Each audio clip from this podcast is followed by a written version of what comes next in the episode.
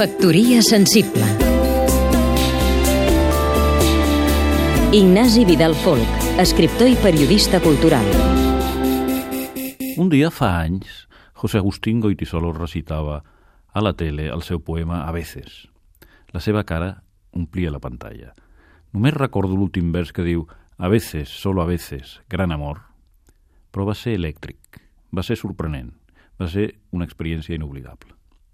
De fet, escoltar algú que llegeix un sol poema pot ser sensacional si té una relació molt personal amb aquest poema. Ho pot comprovar vostè mateix, benvolgut lector, a internet. A l'any 1997, quan van anomenar Robert Pinsky com poeta llorejat dels Estats Units, va fundar el Favorite Poem Project, projecte del poema preferit, dedicat a celebrar, a documentar i estimular la presència de la poesia en la vida dels ciutadans.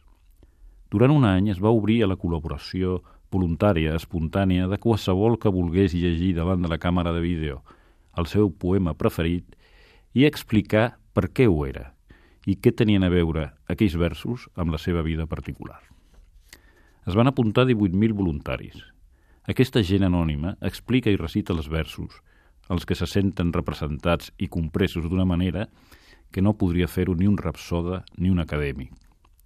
D'això va sortir una web fascinant, Favorite Poem Project, una col·lecció d'antologies, una sèrie de DVDs, diversos programes per les biblioteques i les escoles, i, en fi, una eina formidable per a l'educació humanista i per a la revitalització i difusió del llegat líric.